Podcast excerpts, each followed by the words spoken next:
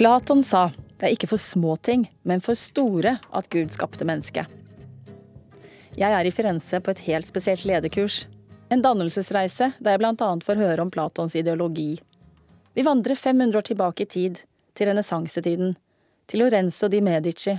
Vi går i Michelangelos fotspor, Leonardo da Vinci, Machiavelli. Vi står og ser på en bronsedør i den berømte Duomoen i sentrum av Firenze, og få høre om et mesterverk som kunstneren Giberti brukte 22 år på. Neste bronsedør er enda mer imponerende. Den samme kunstneren brukte 27 år. Altså mer enn et halvt liv på to dører. Da snakker vi om å være tålmodig og å holde ut. Hvordan kunne kreativiteten blomstre slik den gjorde i nettopp renessansetiden? Hva kjennetegnet kulturen og lederne? Jeg heter Ellen Arnstad, og i dag er jeg gjest i Sommer i P2. I denne timen skal jeg ta deg med på en vandring gjennom livet mitt. I spennet mellom å være toppleder på høye hæler, med en liten dose hverdagspaljetter, og livet som mor til tre barn, og en av dem en gutt med en uhelbredelig diagnose. Det har vært og er et liv med kontraster. La oss fortsette i Firenzes trange smug. Jeg suger til meg kunnskap om de store mesterne. Jeg er bergtatt av Firenze, en by som er som et stort museum. Jeg ringer hjem til den ene sønnen min på 15 år, Alexander, og forteller at jeg går på det beste lederkurset noensinne. Han kommenterer tørt. Men er ikke du leder av mamma? Han mistenker meg nok for at jeg er på en kamuflert ferietur. En jentetur. Etter å ha vært toppleder i mer enn 20 år, ser jeg plutselig lederskap i en større sammenheng. Makt og posisjon, ja, men det er så mye i lederskap som er så uendelig mye større enn det. Renessanse betyr gjenfødelse, og jeg kjente at jeg ble gjenfødt som leder i de trange gatene i Firenze. Da forsto jeg viktigheten av å ha en visjon og en misjon som er mye større enn meg selv. Ja, det handler om et sterkt ønske om å skape mesterverk, og være bevisst på hvorfor noen skal følge deg som leder. Ja, du må rett og slett være verdt å følge. Og verdighet er noe du erverver deg, du må gjøre deg fortjent til det. Henry Fords berømte sitat ble så veldig klart. Ledelse er å påvirke mennesker til noe nytt. Management er å opprettholde det etablerte. Det er ingen tvil om hva som er morsomst. Fredag 4. mars i 1994. Jeg har jobbet med et hemmelig prosjekt i et halvt år, og endelig er dagen her. Dagen da magasinet Henne skal lanseres. Jeg ble ansatt da jeg var gravid i fjerde måned, og babyen skulle komme om to uker. To uker på å gjøre forberedelser til et nytt liv med et barn. Mitt første barn. Jeg er 27 år og skal bli Norges yngste sjefredaktør. Natt til 4. mars våkner jeg med smerter i ryggen. Jeg ringer mannen min som har bodd i Zagreb i et halvt år og jobbet med konflikten i Bosnia. Vil bare forsikre meg om at han kommer hjem med det siste flyet på kvelden som avtalt. Jeg har fullt program på lanseringsdagen. Løper fra intervju til intervju fra klokken syv om morgenen. Tenker at ryggsmertene snart vil gå over. Men de øker i stedet. Kjører til motemessen på Sjølyst og har veldig høye hæler. Lanserer magasinet henne i blitsregnet. Finner frem til bilen min i parkeringshuset og ser på klokken. Smertene er nesten uutholdelige. Jeg skjønner jo nå at det er VR. Og det er to minutter mellom smertebølgene. Jeg må hjem og hente tannbørsten er den første irrasjonelle tanken min. Det er blitt ettermiddag. Jeg har kommet hjem til Ullevål Hageby, låser meg inn, og der står mannen min i gangen med alle koffertene. Han skjønte at det hastet, og har greid å komme seg gjennom Europa. Aker sykehus neste. Det går fire timer, og Joakim er født. Han ligger på brystet mitt, og jeg ser i kamera, smiler, med knallrød leppestift. Rester fra hennelanseringen. Det er den lykkeligste dagen i mitt liv.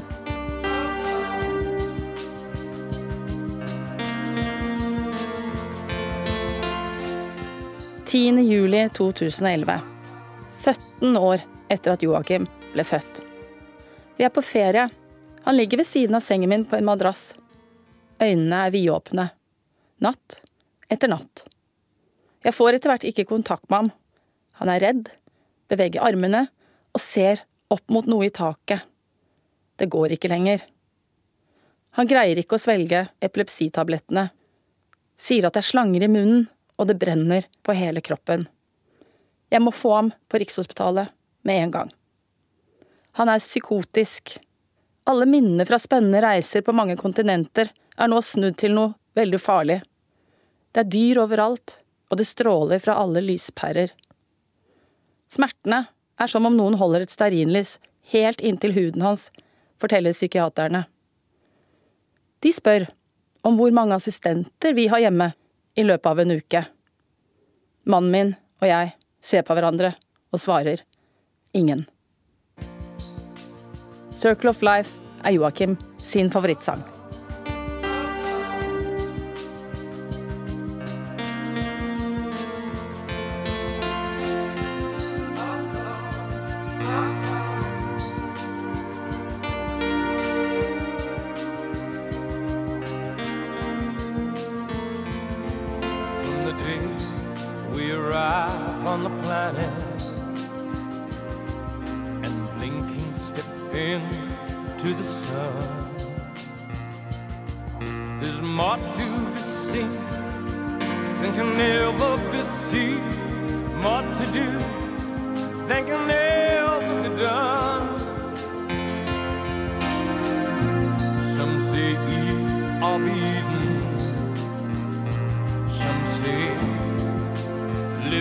Let live.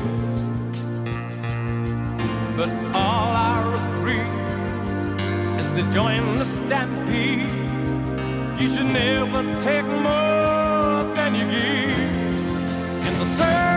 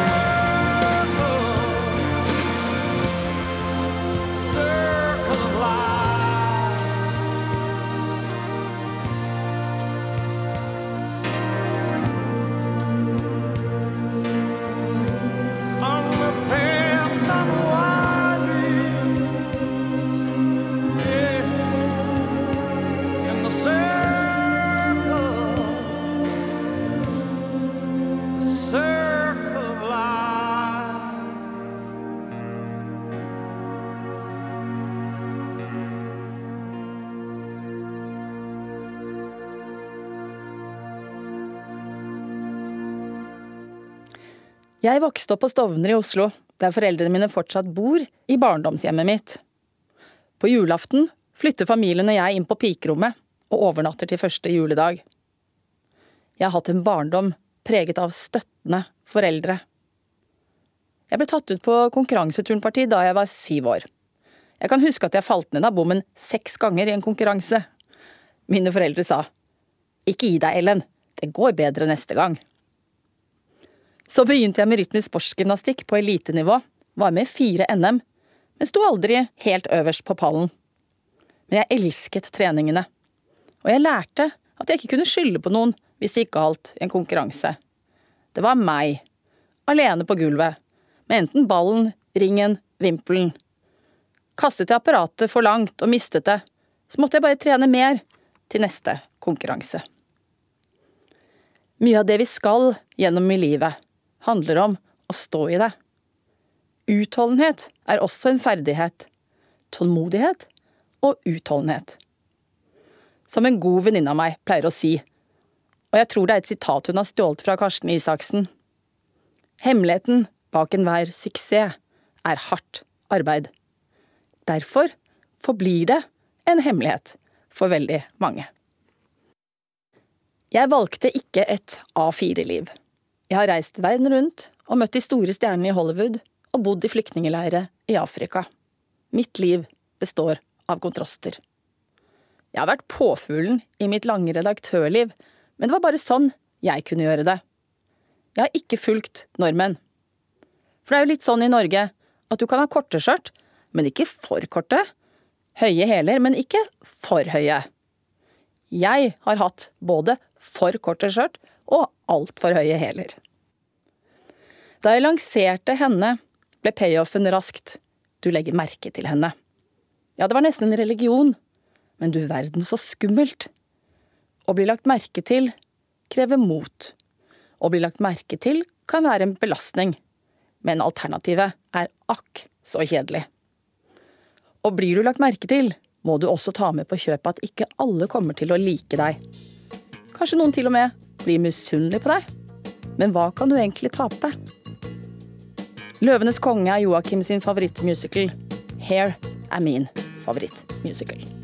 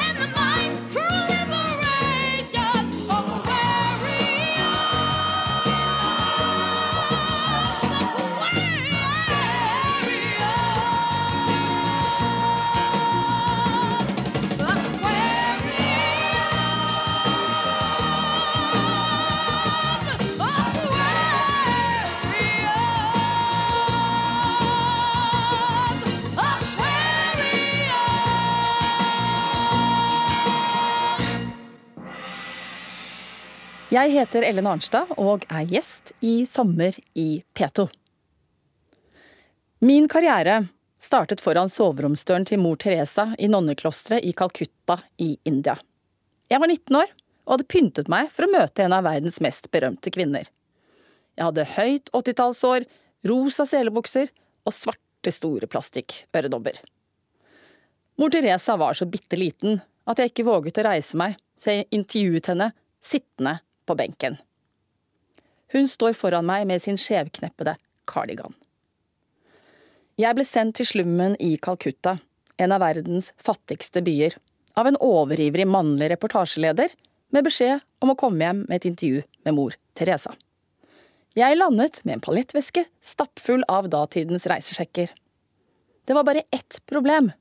Mor Teresa ga ikke intervjuer til noen i hele verden. Jeg var ikke en særlig bereist 19-åring. Hadde vel vært på en chartertur til Mallorca med moren min. Hvordan i all verden skulle jeg få til dette? Jeg begynte å vandre gatelangs med nonnene i Calcuttas slum. På dagtid og nattestid. Jeg besøkte barnehjemmene, The Home for Dying Destitute, der de fattigste av de fattige fikk en madrass å dø på. Jeg var egentlig aldri redd. Jeg tenkte aldri at jeg ikke skulle få det til. Jeg var 19 år. 19 år. Og uten erfaring. Det var en fordel. Hvorfor gjør erfaring at vi blir mindre modige? Det er selvsagt bra med livserfaring, men gjør det også at vi slutter å sprenge egne grenser?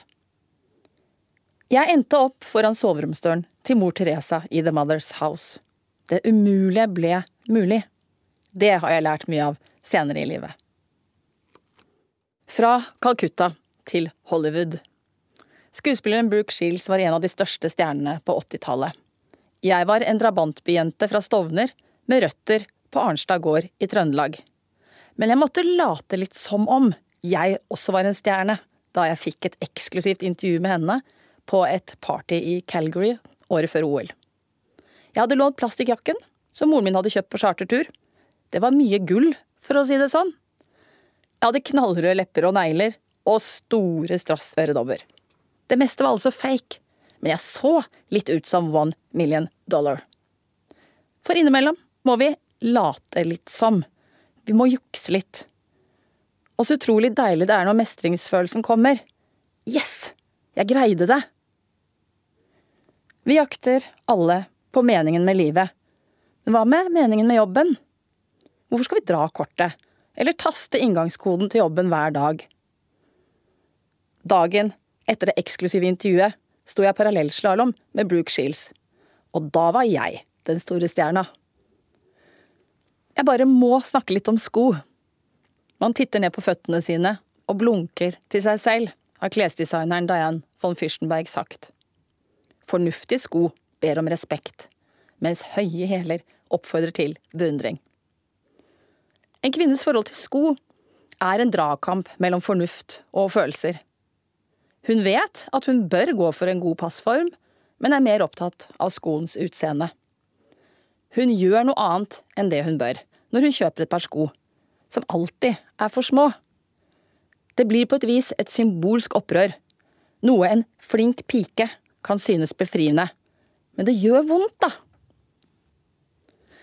Et av de største overgrepene mot kvinner i historien er den kinesiske snørte lotusfoten.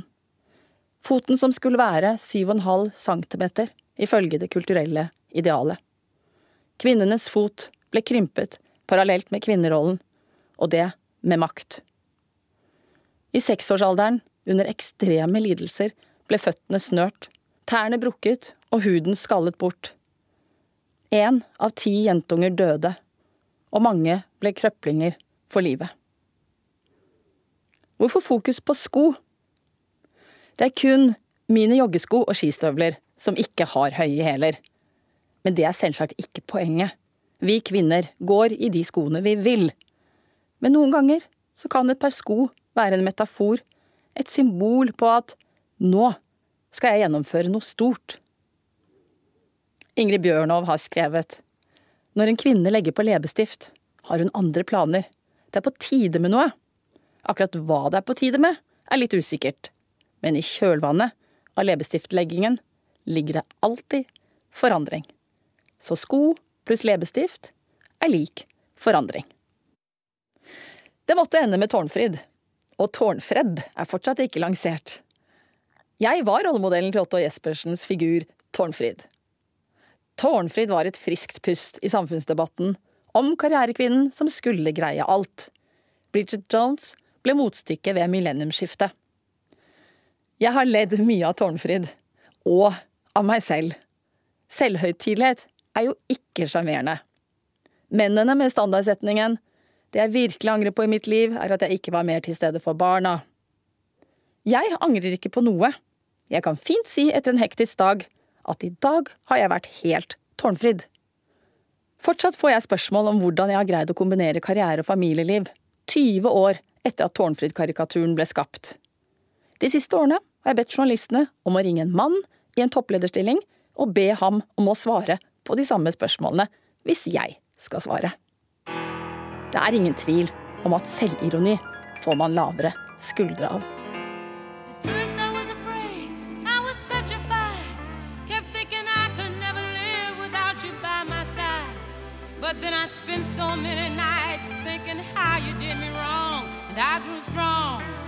I learned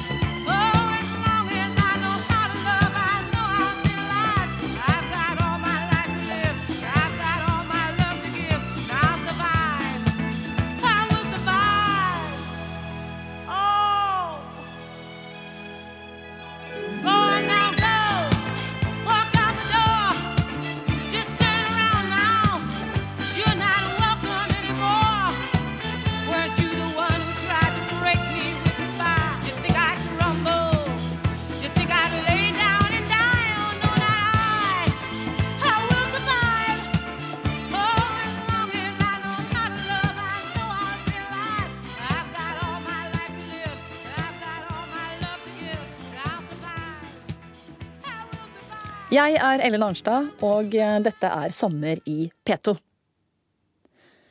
Jeg er så utrolig glad for at jeg er så god til å sove. Det er en av mine viktigste talenter. Uansett livets stormer, så sover jeg godt om natten. Ordet sliten er et av de mest misbrukte ordene i vårt samfunn. Jeg syns at vi bør erstatte det med noe annet. Jeg er uopplagt fordi jeg sto opp med det gale beinet. Jeg har for mye å gjøre. Jeg har planlagt litt dårlig. Jeg har delegert for lite. Jeg har vært for utydelig. Jeg har rett og slett et altfor stort behov for kontroll. Og da blir jeg sliten.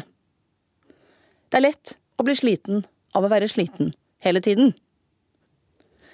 Når så mange går rundt og er slitne, uansett om det er etter en joggetur, etter en dag på jobben, etter en frihelg, etter henting i barnehagen, så er det på tide å finne noe annet å kalle tilstanden. De som virkelig er slitne, bør få bruke ordet i fred. Jeg har møtt mange av dem. Pårørende med tøffe omsorgsoppgaver med alvorlig syke barn. Det er ingen fasit på hvordan man takler en så stor livskrise. Og på seg selv kjenner man ingen andre. Jeg har erfart at det å påføre egne sannheter til andre kan gjøre vondt verre. Mye handler om timing i våre liv. For meg har lite handlet om timing. Det ble blad og barn på samme dag. Jeg lanserte henne med VR og fødte Joakim den samme kvelden. Jeg sa ja til å være med i Skal vi danse, mens jeg hadde en topplederjobb og leste papirer til møter i pressens faglige utvalg på nattestid. Jeg gjorde ikke som foreldrene mine sa. Jeg fikk ingen akademisk utdannelse. Jeg gikk rett fra skolebenken til jobb som journalist i lokalavisen. Jeg fikk mitt tredje barn, en alder av 46 år. Ikke helt A4, det heller. La ikke riktig timing stoppe oss. Vi har ikke kontroll uansett. Pippi Langstrømpe er den kuleste jenta jeg vet om. Pippi er den rake motsetningen av å være flink pike. Flinke piker jobber hardt. Flinke piker tilpasser seg. Flinke piker gjør sitt beste hele tiden. Flinke piker blir bedt om å ta det litt med ro. De kan jo bli syke av det. Pippi finnes ikke flink. Hun er bare sterk og annerledes. Hun står for ta plass og vis at du er en vinner. Samtidig som hun passer på de svake. Hva sier vi egentlig til flinke gutter? Dette er en av mine favorittsanger fordi det handler om egen integritet og egne valg. Gabriellas sang.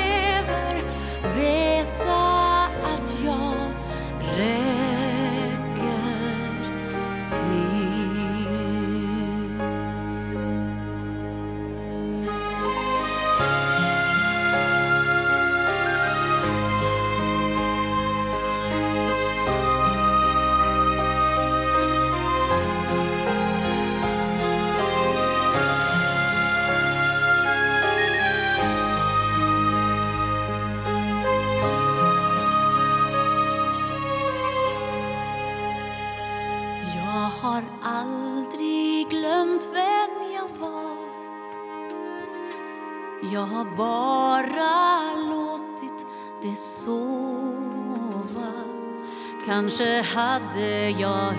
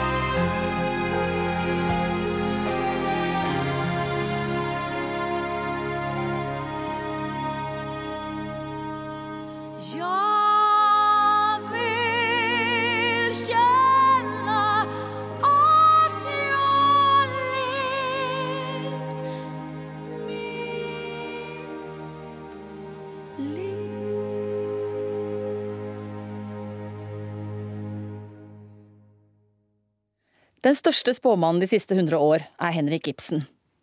Han spår om en fremtid som blir virkelighet 100 år etter at et dukkehjem ble uroppført på Det kongelige teatret i København i 1879. I og med at Nora etter hvert går fra sine plikter, endrer maktbalansen seg mellom mannen og kvinnen. Noen mener at Nora er en patetisk skikkelse som det er umulig å identifisere seg med, mens andre sier at hun, som flere av Ibsens kvinneskikkelser, er selvstendig, tenkende og handlende. Det liker vi. Mon tro hvilket fremtidsdrama Ibsen ville skrevet i dag. Vi kan eksempel se for oss at Helmer går i hopetall. Kanskje Nora kommer tilbake etter en jorden rundt-reise og har funnet seg selv, mens Helmer har tatt seg av barna og sagt nei til flere topplederjobber. Uansett, endringen av kvinnerollen er en av de største revolusjonene i den vestlige verden. Den frigjorte, yrkesaktive kvinnen endret det meste. Familie- og samlivsmønstre, politikken, økonomien, holdninger og verdier. Nora endret Norge. Og i forlengelsen av Noras valg er det et faktum at kvinner ikke kan settes i bås. Det finnes ingen endimensjonale sannheter lenger. Den moderne kvinnen står på skuldrene til flere generasjoner av kvinner. Men det hender hun vakler litt iblant. Hun får til mye, men hun tjener fortsatt mindre enn menn. Hun vil aller helst jobbe med mennesker. Hvorfor blir hun ikke toppleder da? Toppidrettsutøveren Birgit Skarstein, også kjent fra TV-programmet Ingen grenser, har sagt Skal vi nå toppen, må vi ha laget i ryggen, funksjonshemmede eller ikke. Ingen når målet alene. Jeg er ikke opptatt av fotball, men jeg har fått med meg sir Alex Ferguson sin religion. Han som snudde spillere som Ronaldo og Beckham til å bli lagspillere. Han som fikk stjernene til å forstå at den æren og rikdommen man kan få, kommer fra det å være en del av vinnerlaget. Ingen bryr seg om hvor stor stjerne du er. Laget er alltid større.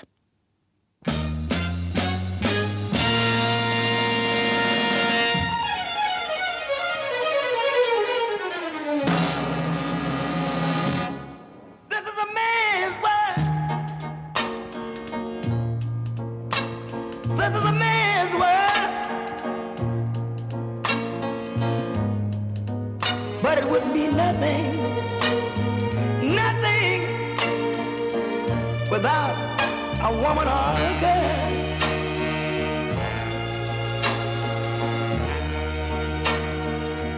You see, man made the cars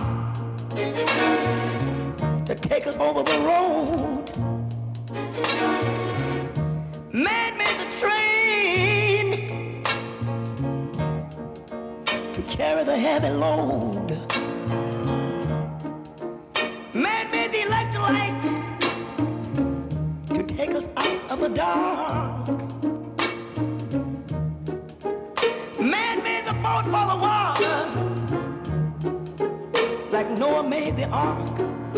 This is a man's, man's, man's world.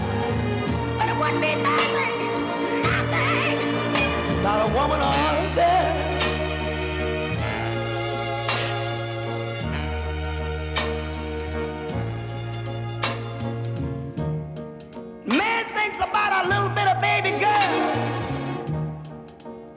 kind of baby boys. Man make them happy. Cause man make them toys.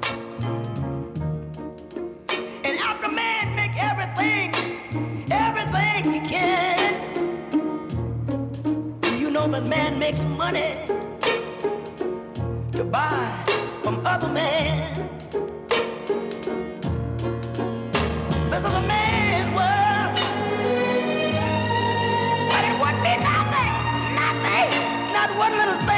Without a woman or a girl.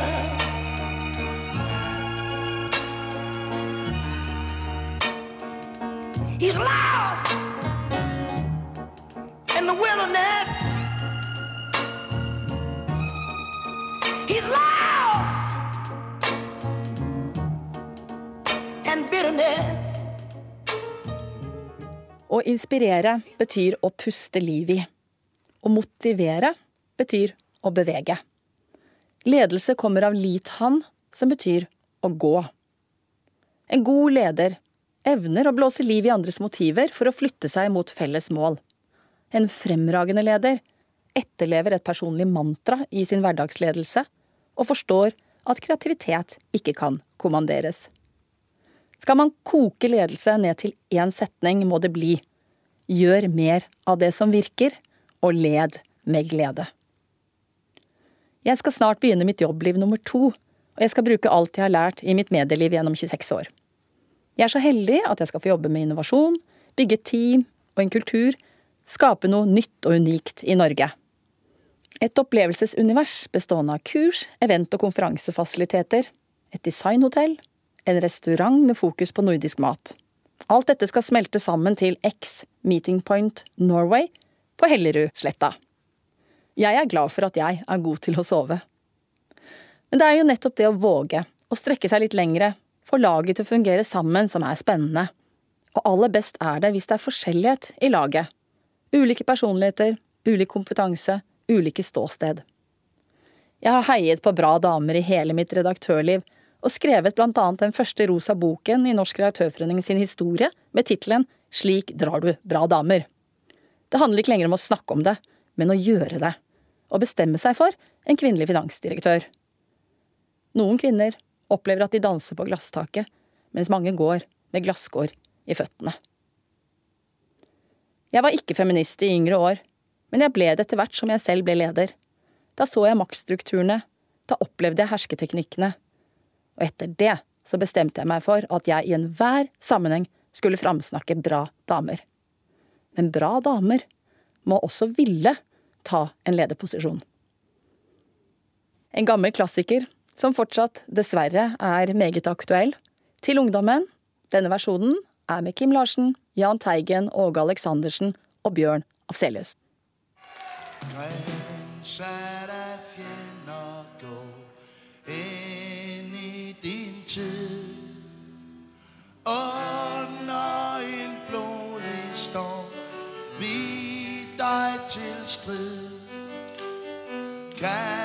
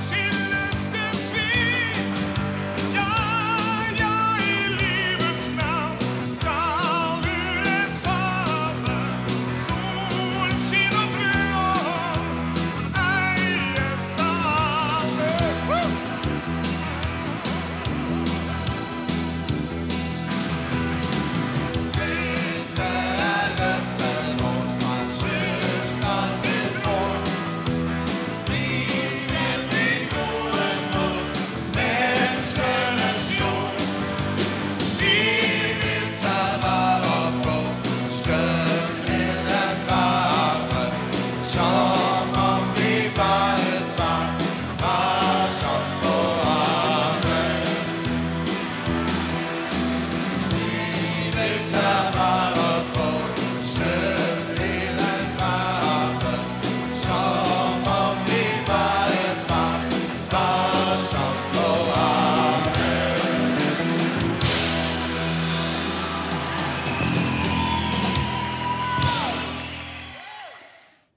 Diagnosen.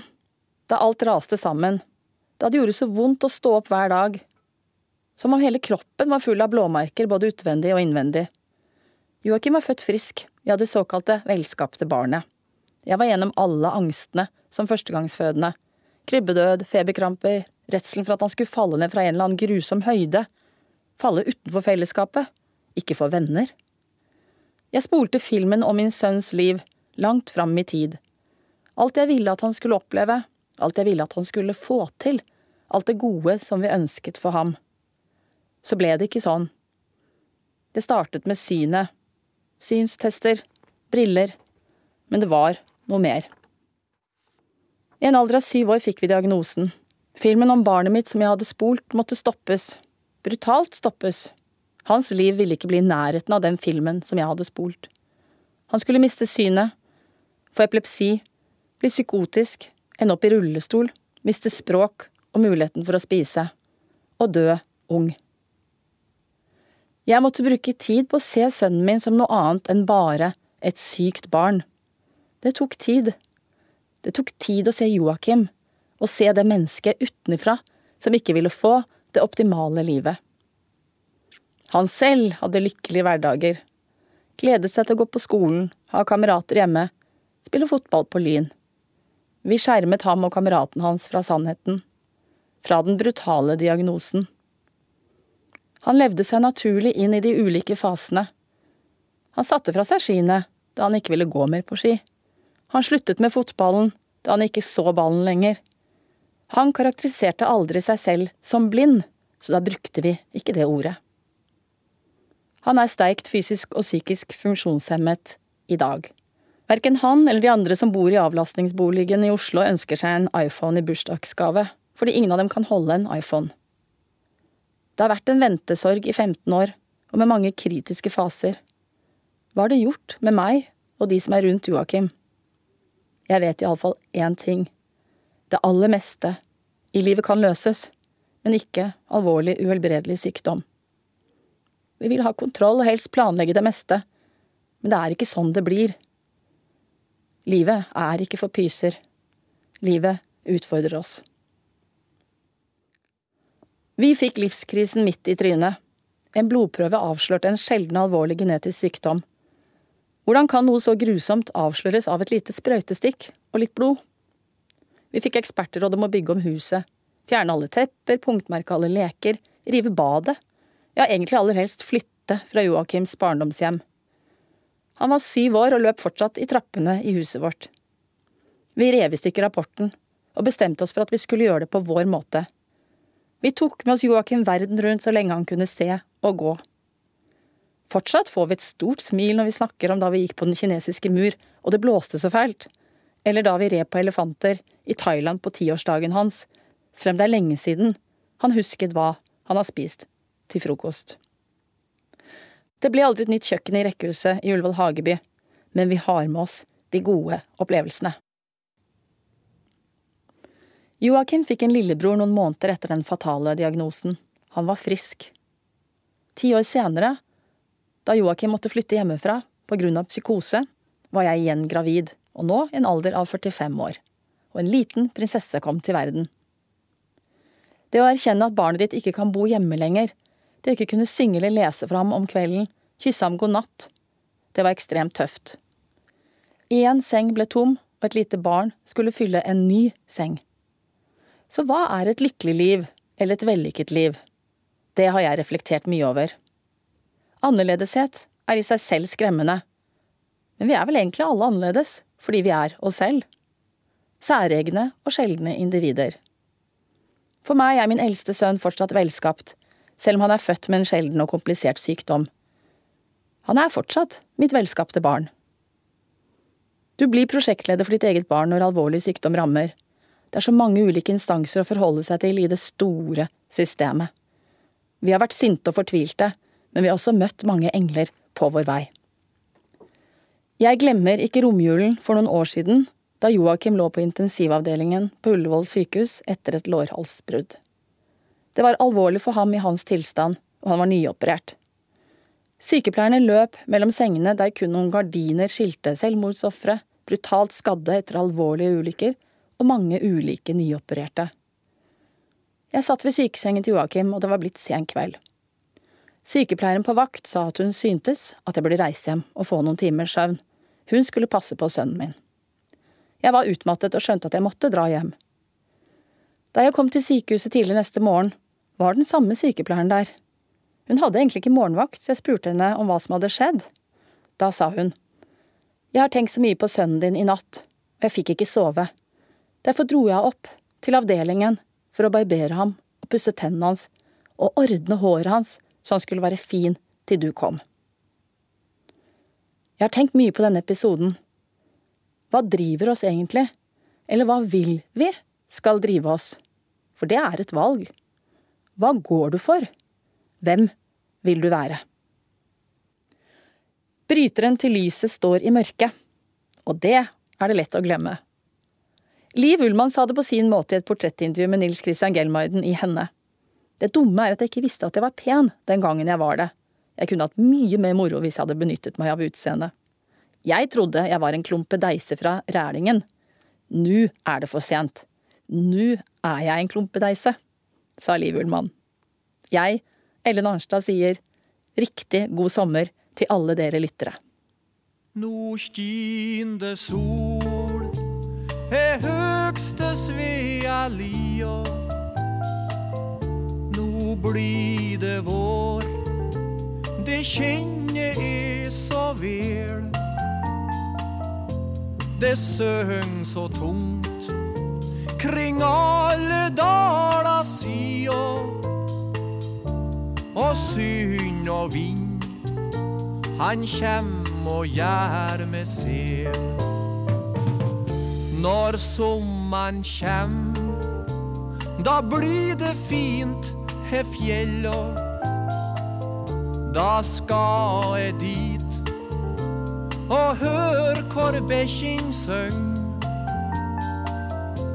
Og kliv til topps er brattast berget stella og vea gras og tort og tog ber løgn. Jeg kjenner lukt ta gras kring alle haugar og sola stin og bjøllan kling så kløkt og kjønninnlegg så blankt er i skal laua med bergekreng der jeg kan sol med trøkt. Og du og du, hvor sårt og sælt er stunda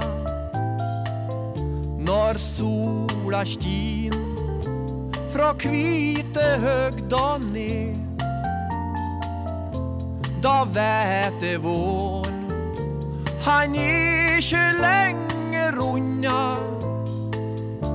at jeg får leva slik ein sommer til. Da vet jeg visst at bikkjen leg og venter. Hun kaller isa med så sval ein drikk. Når høsten kjem og sist kvelds kløva henta. Da skal jeg takke for sommeren så jeg fikk.